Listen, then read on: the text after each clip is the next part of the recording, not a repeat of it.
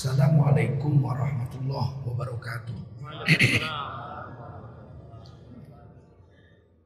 Hamdan wa syukran lillah wa salatan wa salaman ala rasulillah wa ala alihi wa sahbihi wa mawalah. Allahumma salli ala nabiyyina Muhammadin wa ala alihi wa sahbihi ajma'in. Amma ba'du qala Allah Ta'ala fi kitabihil karim أعوذ بالله من الشيطان الرجيم. بسم الله الرحمن الرحيم. هو الذي أرسل رسوله بالهدى ودين الحق ليظهره على الدين كله ولو كره المشركون. Qala Rasulullah sallallahu alaihi wasallam Man kharaja fi talabil ilmi fahuwa fi sabilillahi hatta yarji. Baginda Rasul bersabda, siapa keluar untuk mendapatkan ilmu, orang itu adalah orang yang berjihad fi sabilillah sampai dia kembali ke tempatnya. Mudah-mudahan kita di subuh hari ini mendapatkan pahala jihad dari Allah Subhanahu wa taala. Amin. Sadaqallahul azim. وصدق رسوله النبي الكريم ونحن على ذلك من الشاهدين والشاكرين والحمد لله رب العالمين Para ulama, tuan-tuan guru, para khalifah yang berhadir yang dimuliakan Allah SWT. Para umaro, bapak-bapak, ibu-ibu, hadirin wal hadirat, jamaah sholat subuh, Masjid Raya Al-Khairiyah, al-khairat. Yang dimuliakan Allah SWT. Wajiblah kita bersyukur pada Allah SWT.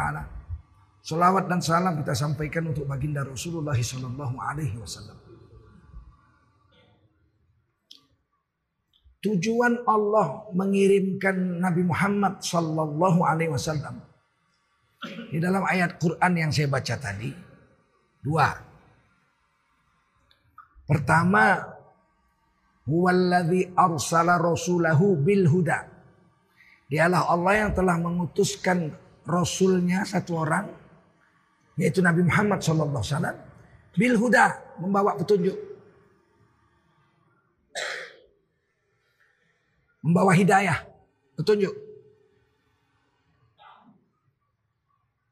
Dan petunjuknya itu lengkap. Dari lahir sampai mati. Bagaimana menerima bayi lahir. Bagaimana mendidik bayi. Bagaimana makan. Bagaimana cara minum. Apa yang dimakan. Apa yang diminum. Bagaimana cara berpakaian. Bagaimana syarat-syarat pakaian.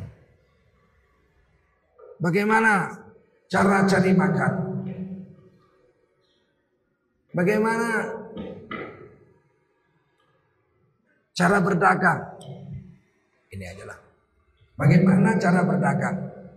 Bagaimana cara jual beli, utang piutang, gadai menggadai, pinjam meminjam, nikah, talak, rujuk. Bagaimana cara menghukum orang yang melakukan hukum pidana, mencuri, Mabukkah, berzinakah? Lengkap. Yang hari ini oleh orang-orang yang tak suka dengan Islam. Apakah dia orang kafir? Apakah dia orang musyrik? Apakah dia orang Islam yang munafik? Dicoba untuk didangkalkan Islam ini. Yang diajar apa? Islam ini cuma polit, apa Islam ini hanya ibadah-ibadah saja. Yang penting sholat, zikir, baca Quran, puasa, zakat, umroh, haji. Hanya itu saja. Kalau itu saja yang dibahas dalam Islam, maka Islam tinggal seperempat. Sebab syariat Islam oleh Imam Ash-Syafi'i rahimahullah ta'ala dibagi empat. Empat bab. Supaya mudah mempelajarinya. Bab pertama bab ibadat. Dari mulai bab air, jenis-jenis air, Bagaimana cara wudhu, istinja, mandi, syarat dan rukun sholat, syarat dan rukun puasa, syarat dan rukun zakat, syarat dan rukun haji, umroh. Ini ibadah-ibadah nih. Baca Quran, bagaimana cara membaca Quran? Ada berapa jenis kiraat yang sah di bawah sholat? Ini ibadah semua. Bagaimana memandikan mayit, mengkapankannya, mensolatkannya, bagaimana cara solat mayit. Ini semua ibadah. Ada bab kedua yang dilupakan orang, bab muamalat. Bagaimana jual beli, Berapa persen untung yang boleh diambil kalau yang dijual itu makanan pokok? Misalnya jual beras, makanan pokok. Berapa persen untung yang boleh diambil? Itu diajari. Maksimal 100% lebih lebih dari itu haram. Lain kalau jual cincin bukan barang makan. Mau 100% pun untungnya kalau ridho sama ridho membelinya oke. Okay. Buat muamalat. Bagaimana cara pinjam meminjam, berapa dipinjam, berapa bagaimana mengembalikannya. Kalau pinjam 10 ribu dipulangkan 10 ribu 500 yang 500 ribu riba. Ini dipelajari. Bagaimana cara berdagang untung berapa persen? Bagaimana cara musyarakah berkongsi? Kongsi, modalnya kongsi, bagiannya bagaimana membagi untungnya. Kemudian bab munakahat nikah talak rujuk. Kemudian terakhir bab jinayat, mencuri dipotong tangan kah? Berapakah barang yang dicuri? Baru boleh pencurinya dipotong tangan. Bukan mencuri 50 ribu tangannya dipotong. Kalau yang dicurinya makanan karena dia lapar dikasih makan. Nggak ditangkap dia. Kalau yang dicurinya seekor ayam denda dia dua ekor ayam. Kalau yang dicurinya senilai satu buah perisai 400 dirham potong tangan. Kalau yang dicurinya triliun bikin bangkrut pancung. Oh, curi triliun potong tangan enak betul lah dia. Pancung.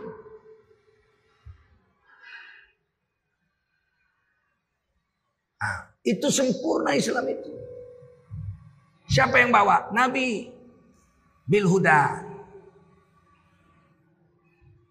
Yang hari ini sudah dikatakan udahlah kita ini jangan ke Arab-Araban. Kita harus Nusantara. Iya. Islam ini rahmatan lil alamin. Seluruh dunia sama. Cara sholat seluruh dunia sama. Sholat subuh dua rakaat seluruh dunia sama. Cara puasa sama. Kapan waktu puasa sama. Seluruh dunia sama. Haji sama. Seluruh dunia naik hajinya sama. Wukufnya sama. Sembilan Julhijjah di Arafah. Sama. Ada itu Nusantara, Nusantara apa Nusantara, Nusantara. Dianggap kalau tidak cara Nusantara, sebetulnya saya lihat Islam Nusantara itu Islam Jawa. Islam Jawa. Kalau nggak mirip sama dia udah dianggap nggak Islam. Ini berbahaya sekali ini gerakan-gerakan seperti ini. Sekarang sudah ada gerakan hijrah no hijab. Bayangin coba. Gerakan untuk tidak memakai jilbab. Coba bayangkan. Ada satu gerakan menolak jilbab.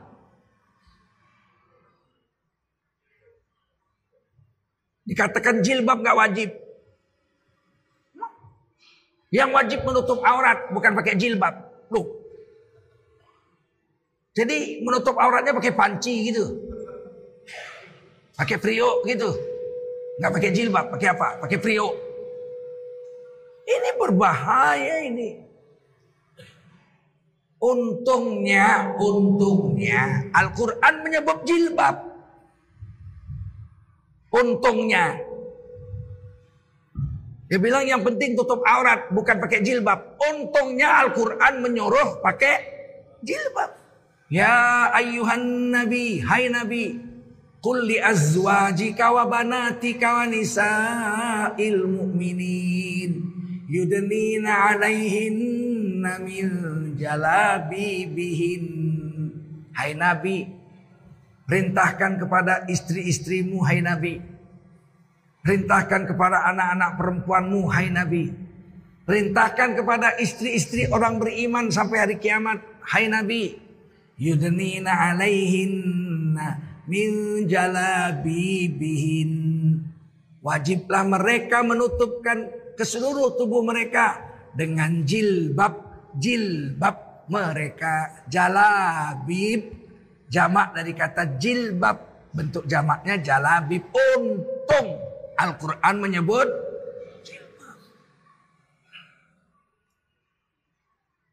Mereka itu pandai sekali menyesatkan orang. Kita itu yang wajib tutup aurat, bukan pakai jilbab. Iyalah, kalau kami laki-laki mana wajib pakai jilbab, betul nggak? Yang wajib pakai jilbab perempuan itu pun yang waras. Kalau gila nggak usah, nggak nggak berdosa perempuan gila telanjang. Namanya gila. Ini buat bahaya.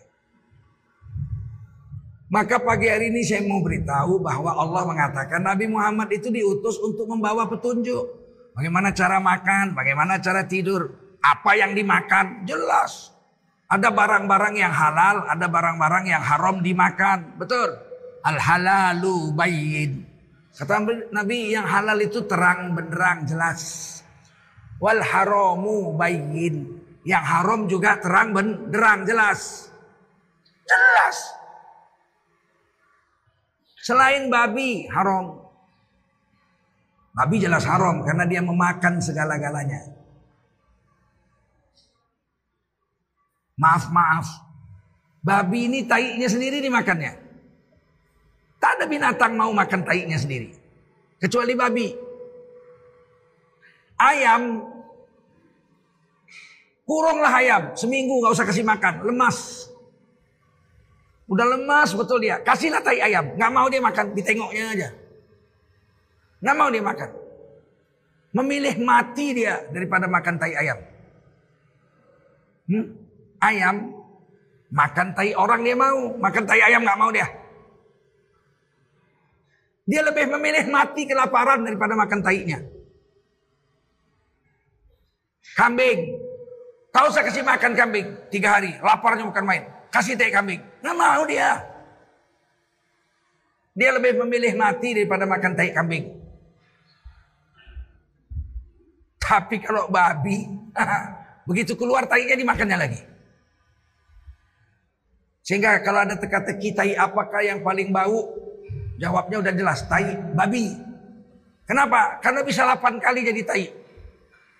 Jadi tai dimakan lagi, jadi tai lagi, dimakan lagi, jadi tai lagi. Pasti bau, kecut baunya itu. Hmm. Diharamkan Allah. Hurrimat alaikumul mayyitatu waddamu walahmul walahmul khinzir. Diharamkan kepadamu hai orang beriman makan bangkai. Walaupun bebek tapi nggak disembelih, haram. Waktu kami ke Eropa masuk restoran mau ditipu sama biro travelnya katanya ini restoran Islam. Disediakannya bebek sama ayam. Saya diam gitu. Hmm, tunggu jangan makan. Begitu terhidang, ini saya bilang ini haram. Dari mana Ustaz tahu? Ambil sendok. Ini lehernya kan? Iya. Mana ada bekas sembelih? Mulus leher itu. Haram. Kenapa? Tidak disembelih. Mungkin dipatahkan aja. Bangkai namanya. Enggak, enggak boleh dimakan. Bangkai yang boleh dimakan hanya dua. Kalau kita jalan-jalan jumpa bangkai ikan, ah, boleh dimakan. Ada ikan mati, ah, boleh makan. Sahabat pernah makan ikan paus, namanya ikan ambar. Terdampar di Laut Merah, dimakan sahabat, dibikin jadi dendeng. Berhari-hari nggak habis-habis sampai ke Mekah. Mereka bilang tak ada lagi makanan ya Rasul, kami udah hampir mati kelaparan. Tiba-tiba kami tengok di pinggir laut ada ikan besar kali. Empat orang kami bisa duduk di matanya. Maka kami makanlah, kami bikin jadi dendeng ikan, kami makan selama perjalanan sampai pulang ke Mekah. Kata Nabi masih ada lagi dendeng ikan itu, masih dimakan Nabi. Adalah bangkai ikan halal dimakan. Dan yang kedua bangkai belalang. Belalang halal dimakan. Bangkainya. Sewaktu saya tinggal di Mekah tahun 96. Di musim dingin seperti sekarang. Begitu musim dingin mau berangkat ke musim semi. Rumput banyak sekali di Mekah. Hijau Mekah itu. Bukit-bukitnya hijau. Banyak sekali rumput. Maka di Masjidil Haram itu ada banyak sekali belalang. Puluhan ribu ekor. Besar-besar sebesar ini. Sebesar jari saya ini ha. Jempol tambah celunjuk nih ha. Sebesar-besar ini. Hijau warnanya. Terpijak-pijak orang di halaman Masjidil Haram. Mati. Saya keluar dari masjid, saya lihat banyak belalang, saya duduk, saya pegang belalang tuh. Nangis saya. Ya Allah, inilah yang disabdakan Nabi saya. Ada dua bangkai yang halal dimakan. Itu bangkai ikan dan bangkai belalang. Banyak. Tapi saya nggak sempat memasak saya. Waktu itu saya hanya makan roti, minum zam-zam, minum susu sehari sekali. Sisanya kalau lapar saya makan korma. Saya ngaji di Masjidil Haram selama setahun. Nggak sempat saya menggorengnya. Ingin nanti saya makan belalang itu karena Rasul bilang halal. Tapi jangkrik haram. Belalang halal, jangkrik haram. Ini semua diajarkan Nabi. Seluruh binatang karnivora haram. Binatang yang memakan daging mentah semuanya haram. Burung hantu, burung elang yang yang mencengkram. Singa, harimau, kucing haram. Ular, biawak yang bertaring haram. Yang boleh dimakan adalah binatang herbivora. Binatang yang makan rumput. Boleh dimakan. Selain itu ada binatang yang haram dimakan karena disuruh membunuhnya.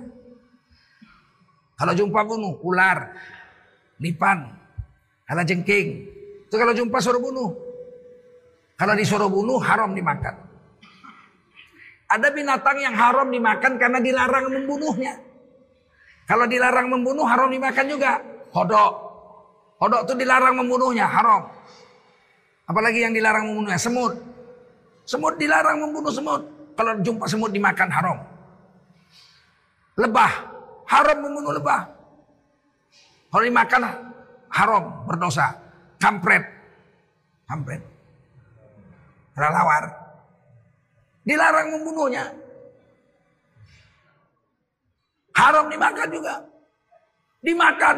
Datang Toyota Corona ya. Datang virus Corona. Baru tahu.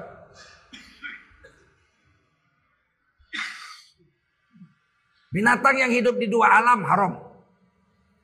Amfibi. Orang bilang, Pak, kodok itu tidak hidup di dua alam, Pak. Buktinya saya ambil kodok, saya rendam di air dalam ember, mati. Kalau kodok hidup di darat, dia hidup di air waktu kecil, namanya cebong. Cebong hidupnya di air, diangkat ke darat mati. Udah jadi kodok, dia hidup di darat. Kalau direndam di air dia mati. Kalau begitu dia dua alam hidupnya, kecil di air, besar di darat. Namanya dua alam. Mana ada binatang yang bisa di darat, bisa di air dalam sekaligus. Dalam waktu yang sama. Tidak bisa. Yang dibilang amfibi itu kecil di air, besar di darat. Itu baru nanya mana amfibi. Haram.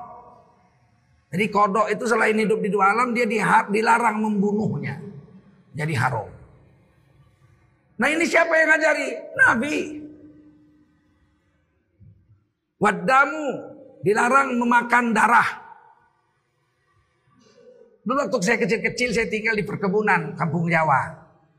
Kalau motong ayam ditampung orang tuh di piring darahnya nanti beku. Sesudah beku dipotong-potong macam agar-agar, digoreng, dimakan. Lah, haram. Namanya dedeh. Kalau orang Betawi menyebutnya marus. Darah beku. Haram. Hurrimat alaikum mayitatu waddamu. Bangkai haram kecuali binatang, bangkai ikan dan belalang. Yang kedua waddamu darah, darah haram. Walahmul khinzir dan daging babi. Itu Quran. Hadis mengatakan bukan daging babi aja yang haram. Semuanya. Jangan bilang yang haram itu daging babi. Kalau limpanya boleh. Sup tulang babi boleh. Nggak boleh. Kalau babi semuanya haram. Dari bulu-bulunya sampai tai-tainya haram semua. Luar biasa Islam ini. Siapa yang bawa petunjuk itu? Nabi. Tinggal kita ikuti aja. Nabi ajarkan kepada sahabat. Sahabat 100% mengamalkan sunnah Nabi. Tidak ada satu orang sahabat pun yang berbohong. Sahabat Nabi ada yang mencuri, ada potong tangannya. Adakah sahabat Nabi berzina? Ada, dihukum rajam lempari batu sampai mati. Adakah sahabat Nabi mabuk? Ada, dicambuk dan digondol kepalanya. Adakah sahabat Nabi bohong? Tidak ada. Itu hebatnya sahabat Nabi itu. Orang Quraisy tidak ada yang bohong. Bahkan sebelum Nabi datang, sama binatangnya pun gak dia ngomong bohong. Itu sifat orang Quraisy ditulis itu. Dalam sejarah-sejarah ditulis. Kalau dia naik onta, sudah lima hari nggak dapat air. Onta itu tahan 8 hari, 8 malam tidak minum, tahan dia. Sebab onta diciptakan dari jin. Kalau binatang lain diciptakan dari binatang, dari binatang, dari binatang. Kalau onta diciptakan dari jin. Afala yang zuruna ilal ibili kaifa khuliqat. Tidakkah mem mereka memperhatikan dari mana onta diciptakan? Onta diciptakan minal jinni, dari jin. Ditulis juga dalam satu kitab yaitu dalam tafsir Jamal. Oleh karena itulah onta itu makhluk yang berbeda dengan binatang biasa. Pertama dia sanggup 8 hari 8 malam tidak minum. Dan tidak mati. Dia bisa simpan air di badannya. Kalau haus dikeluarkannya dia minum. Yang kedua, semua binatang kalau jalan kepalanya tunduk. Lembu kah, kambing kah, semua kepalanya tunduk. Tapi kalau onta, kalau jalan kepalanya diangkatnya.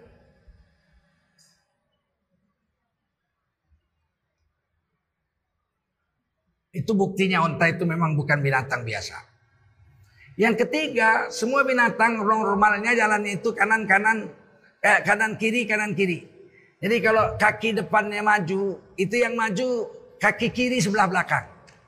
Jadi sepasang kanan kiri, kanan kiri. Kanan kiri, kanan kiri. Kalau ontak kanan kanan kiri kiri. Jadi kalau dia jalan kanan kanan kiri kiri. Kanan kanan kiri kiri. Jadi kalau onta lari dia seperti terbang, sing sing sing beda dia.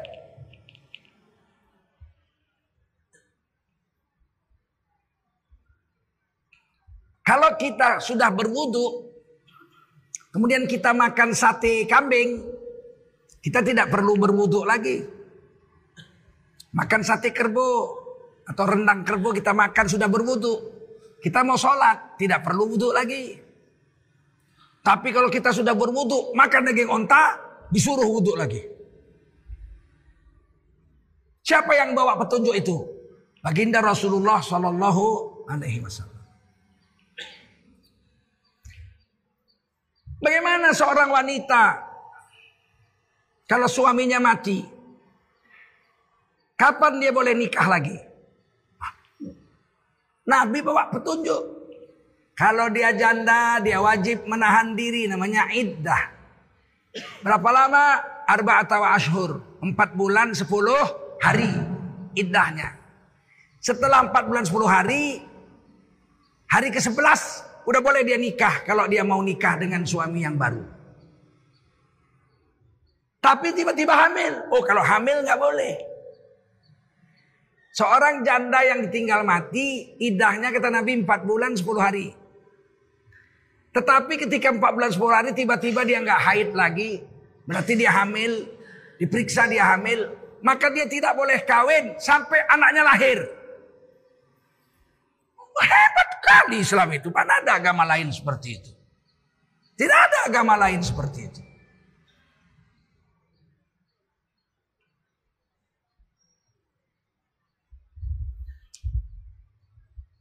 Kalau perempuan itu haid bagaimana? Uh, diatur. La ilaha illallah. Tak ada agama sesempurna Islam. Fa'tazilun nisa afil mahid. Hindarkanlah istrimu kalau dia sedang haid. Jangan kau campuri. Kalau kau lakukan hubungan suami istri, istrimu sedang haid. Kena dua. Pertama haram berdosa. Udah pasti dong berdosa, larangan Allah kok dilanggar. Yang kedua lihat keadaan haidnya. Apabila istri sedang haid deras, maaf saya ini cerita agama pak, bukan mau cerita porno saya enggak. Sebab jarang orang tahu ini. Ketika istrinya sedang haid deras, ditidurinya, dicampurinya, melakukannya hubungan suami istri. Selain dia berdosa, yang kedua dia wajib kena denda satu dinar emas. Didenda satu dinar emas. Sedekah satu dinar emas kepada fakir miskin. Satu dinar emas kira-kira 7 juta sekarang. Kalau haidnya sudah kering, tinggal sedikit-sedikit gitu, tapi belum mandi. Belum mandi, berarti belum hatta yathur, sampai dia suci. Kalau belum mandi kan belum tohur. Belum tuhur dia, belum bersih. Belum tohuro, belum belum suci. Ditiduri, dicampuri, kena denda separuh dinar emas. Tiga setengah juta. Sebegitu hebatnya Islam mengatur. Ah, bapak ini ada aja. Islam tuh kalau berdosa cukup tobat. Ah, ini salah satu kesesatan-kesesatan yang ditanamkan kepada kita. Dalam Islam itu tidak ada denda, Pak. Yang ada kalau salah ya istighfar tobat. Siapa bilang? Tidak semua dosa itu cukup dengan tobat. Tidak semua dosa cukup dengan tobat. Ada dosa itu yang tobat ditambah denda. Ada. Mana? Orang sedang naik haji pakai ihram. Dipatahkannya dahan kayu. Atau diguntingnya kukunya. Atau dibunuhnya kadal. Lewat kadal. Puk, pukulnya pakai tongkatnya mati. Tidak cukup. Astagfirullah. Astagfirullah. Tobat ya Allah. Tobat. Nggak cukup. Dia wajib bayar dam. Satu ekor. Satu ekor. Kambing. Potong. Kasih orang miskin. Nggak cukup. Astagfirullah aja sampai nangis-nangis. Nggak cukup. Ada dalam Islam dosanya yang dilakukan itu ditebus dengan tobat istighfar ditambah denda.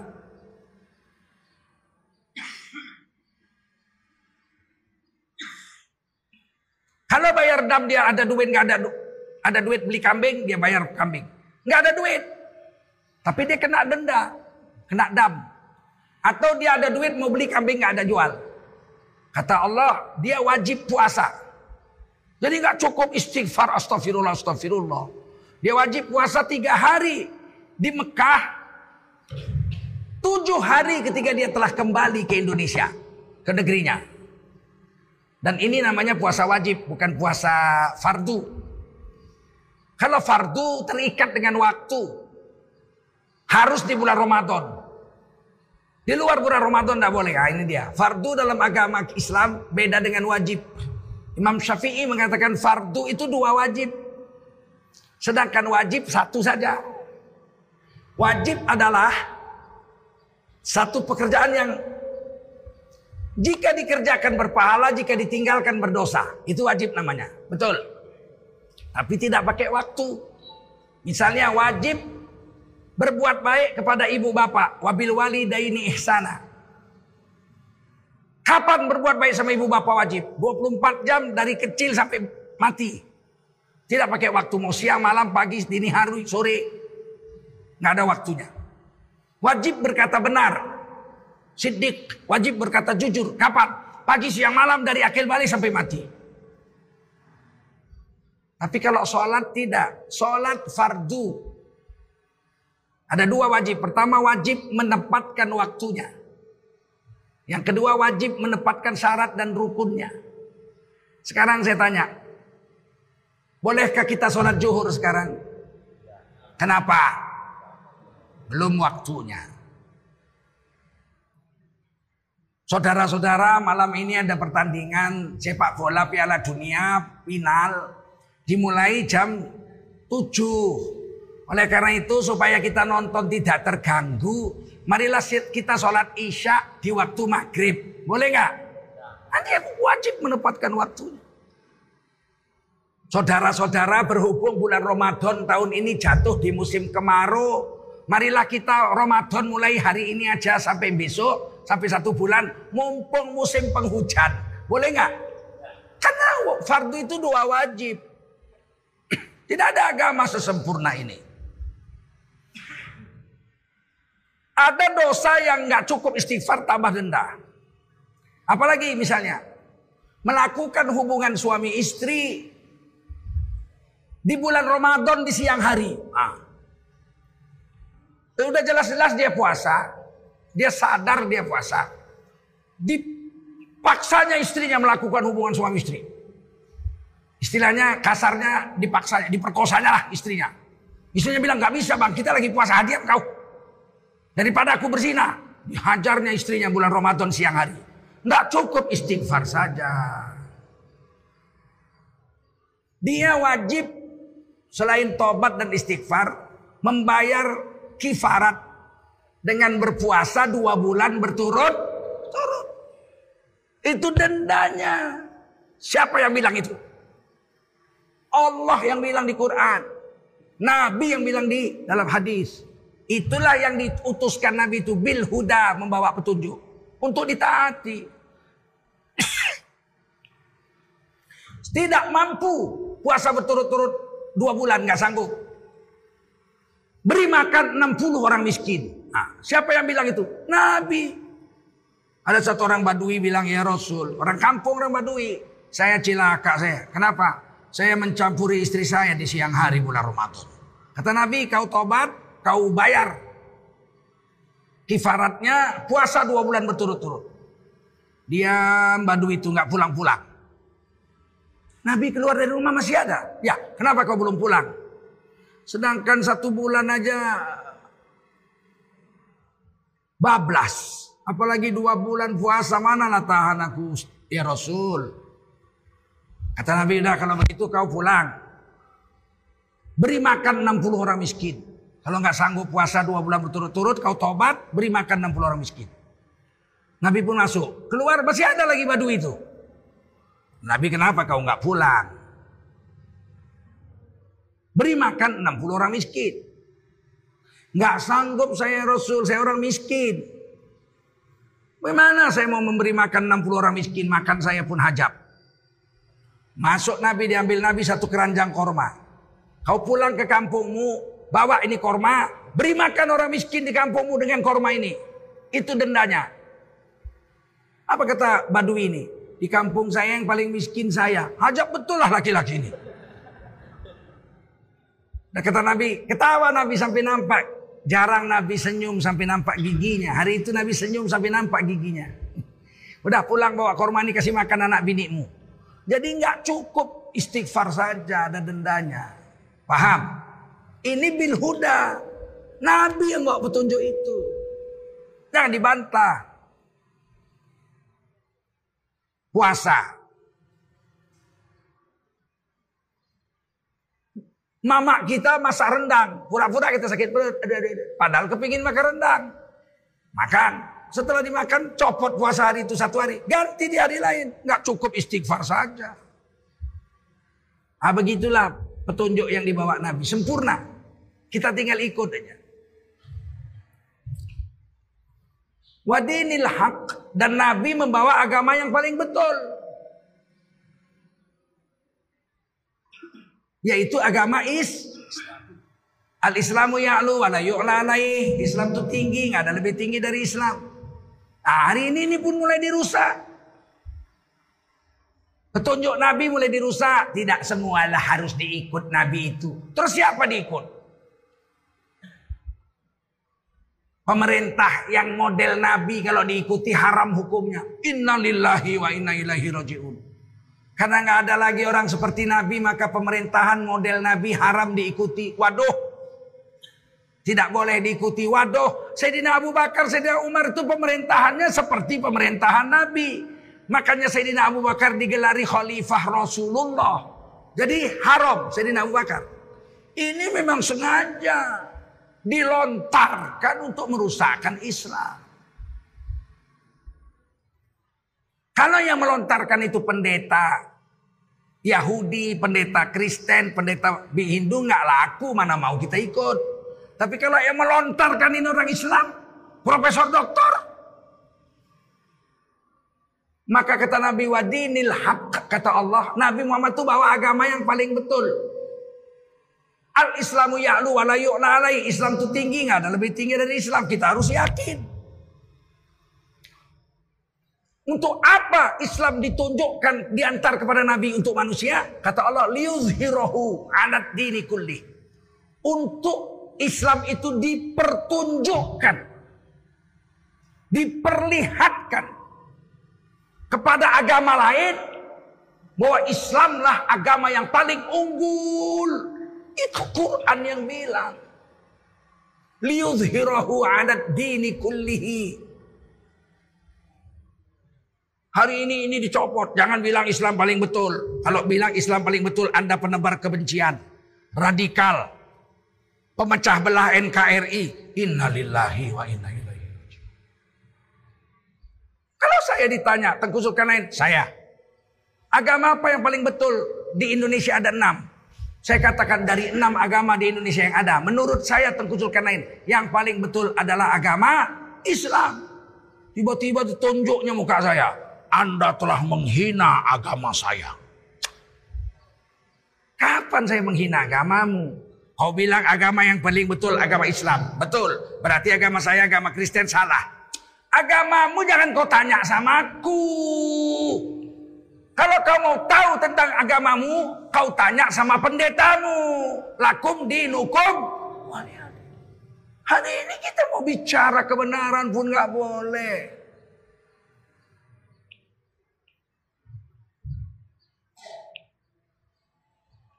Walau karihal musyrikun. Walau penyembah banyak Tuhan gak suka benci kepadamu. Tunjukkan sama mereka Islam paling sempurna. Tidak ada sesempurna Islam. Mudah-mudahan kita bisa yakin dengan agama kita. Amin. Nah bagaimana supaya hati kita mantap? Seperti begini Pak, akal ini mudah dirusak. Akal ini mudah dirusak. Kalau zaman Majapahit diceritakan ada besi terbang bisa ngangkat 500 orang, dibilang gila kita. Betul? Tapi zaman sekarang ada kapal terbang, besi terbang, ngangkat 500 orang. Ah, udah biasanya aku lihat itu di Pekanbaru banyaknya itu mendarat tiap hari gitu ya. Akal itu bisa berubah. Yang tidak bisa berubah itu hati. Apa? Kolbu, hati yang bisa berubah. Kalau akal bisa berubah. Ah, waktu kecil-kecil ditanya, nak, mana lebih besar nak? 40 orang SD, anak SD 40 orang lagi kumpul-kumpul. Datang insinyur ITB, jurusan antariksa. Dia tanya sama anak-anak SD itu. Anak-anak, adik-adikku sekalian. Iya bang. Mana lebih besar? Bintang atau matahari? Serentak anak SD itu 40 orang bilang. Matahari lebih besar dari bintang. Betul gak? Karena matanya melihat begitu. Kata anak ITB itu tidak dek. Bintang itu ribuan kali lebih besar dari matahari. Ketawa 40 orang itu bilang gila. Betul kan? Gila kan? Gila. Hei, abang, percuma kau sekolah tinggi. Udah jelas matahari lebih besar dari bintang. Kata anak SD itu, mana bisa ditukar akalnya itu. Bagaimana menukarnya? Sekolah. Anak SD itu disekolahkan sampai insinyur. Baru dia bilang, ternyata salah kita dulu ya. Ternyata matahari kecil dibanding bintang, lebih besar bintang. Akal berubah, kalau hati tidak. Kalau kita mau mencuri, kita lihat kanan kiri nggak ada orang mau mencuri, main hati itu jangan, jangan itu mencuri. Ah, kau terdesak, nggak ada apa-apa, mainkan aja orang nggak ada, curi saja, jangan, curi saja, jangan. Hati nggak pernah dusta, dicurinya ada perasaan bersalah di hatinya, betul?